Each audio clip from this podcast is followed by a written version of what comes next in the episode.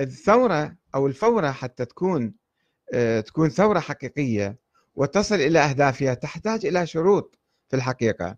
أولا أن يشارك فيها آه، أكبر نسبة من الجماهير. لا أن تقتصر على مجموعة معينة من الناس. الآن شوفوا بالعراق مثلا. الأكراد لم يشاركوا في هذه المظاهرات. ما يسمى بالسنة هذه التسميات الموجودة. لم يشاركوا. في بغداد المشاركة خمسة ملايين مواطن في بغداد المشاركين بضعة مئات وبضعة آلاف. في الجنوب كذلك ليس كل الناس شاركوا في هذه المظاهرات. فلا يمكن أن نتوقع بمظاهرات محدودة في مكون محدود مكون معين أن هذه تقلب النظام وسقطه وبالتالي راح تحدث التغيير. يجب أن يكون الشعب مقتنع بالتغيير إلى درجة كبيرة. عامة الشعب من كل الطوائف من كل القوميات من كل في كل المحافظات مقتنع بالتغيير حتى يستطيع أن يصل إلى نتيجة. فما نستطيع أنه بسرعة إحنا آه، بنسبة قليلة مثلا نتوقع آه، إصلاح كبير أو تغيير كبير. لابد وبسرعة الآن. لا يمكن على المدى البعيد هذه المظاهرات تكون مقدمة. إلى حركة أخرى حركة شعبية آه، تترجم نفسها بحزب جديد مثلا حزب شعبي كبير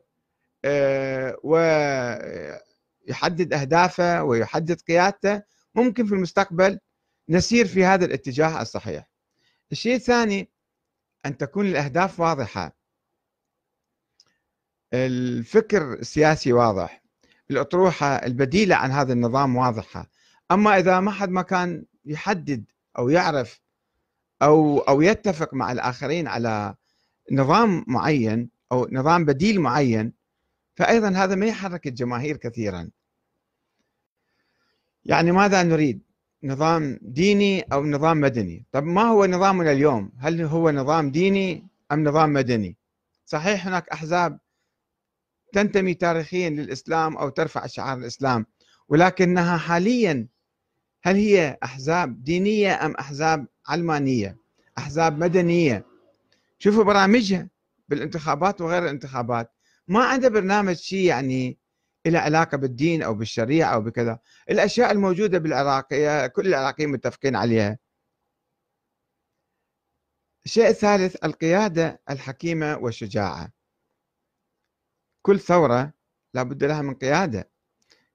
هذه القيادة ترسخ نفسها مع مرور الزمن ويلتف حولها الناس وتكون حكيمة وواعية وشجاعة في نفس الوقت في ساعات معينة القائد يحتاج أن يتخذ قرار شجاع وإلا كل التضحيات تروح مجانا.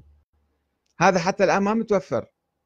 لا الشعب مثلا المتظاهرون يقبلون بالقيادة المرجعية ولا المرجعية هي تغطيهم تغطية كاملة؟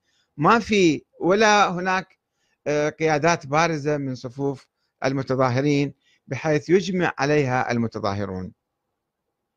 أربعة موضوع الاستقلال أن الحركة تكون وطنية مستقلة وترفض التدخل الأجنبي لأنه كل حركة ثورية تصير آه، إما في البداية الأجانب مخططين إلها وإما إذا شافوا صارت حركة يتدخلون فيها. يتدخلون ويحاولون يستثمروها يركبوها يستغلوها. فكيف تحافظ الحركة على استقلالها وترفض وتمنع أيضا مو فقط ترفض لأنه أحيانا المتظاهرون يقولون ليس بيدنا شيء نحن ننزل إلى الشارع ونتظاهر. وهناك ناس منظمون يرتبطون بالدول الأخرى ويرفعون أهدافا معينة ويستخدمون السلاح مثلا ويفعلون ما يشاءون. ونحن لا نستطيع أن نسيطر عليهم. فإذا هنا أيضا تحدث آه، ربكة يعني. آه، خامسا السلمية. السلمية شرط مهم للوصول للأهداف. في التجربتين الإيرانية والتركية كانت الحركتان سلميتين. الحركة الإيرانية صحيح كان فيها بعض الأحزاب تمارس العنف أو اغتيالات أو ما شابه ولكنها كانت محدودة. لم تكن يعني الحركة الجماهيرية كلها عنيفة ينزلون بالشوارع يكسرون مثلا المرافق العامة الوزارات الكذا. لا حافظوا على نفسهم بالشوارع يهتفون. والحركة التركية جماهيرية سلمية ضمن الإطار الديمقراطي لم تخرج عنه. كانت عندها ملاحظات على هذا النظام ولكنها استطاعت أن تطور نفسها وتكيف نفسها في هذا النظام. ثم تصلح هذا النظام. وأيضا هناك نقطة سادسة تحديد العدو والأخطاء. يعني الحركة المظاهرات ضد من؟ ضد أي مسؤول فاسد. كل المسؤولين هم عملاء وخونة ومثلا مشبوهين أو لا في ناس طيبين مؤمنين صالحين وفي ناس فاسدين. آه، وأيضا العدو من هو العدو؟ بالداخل بالخارج. العدو إيران أمريكا السعودية يعني هناك آه، ارتباك في تحديد العدو لدى بعض المتظاهرين اللي يشوفون أنتم مثلا بعض الناس اللي تسللوا أو اندسوا في المظاهرات يهاجمون الحشد الشعبي. طيب أنت تهاج... آه، تنتقد النظام وتنتقد الدولة والحكومة لماذا تهاجم؟ أشرف وأطهر وأكثر ناس قدموا خدمات وقدموا تضحيات آه، في سبيل الدفاع عن الشعب تجي تهاجمهم. وبعدين إذا دافعوا عن أنفسهم تقول ذولا قتلوني.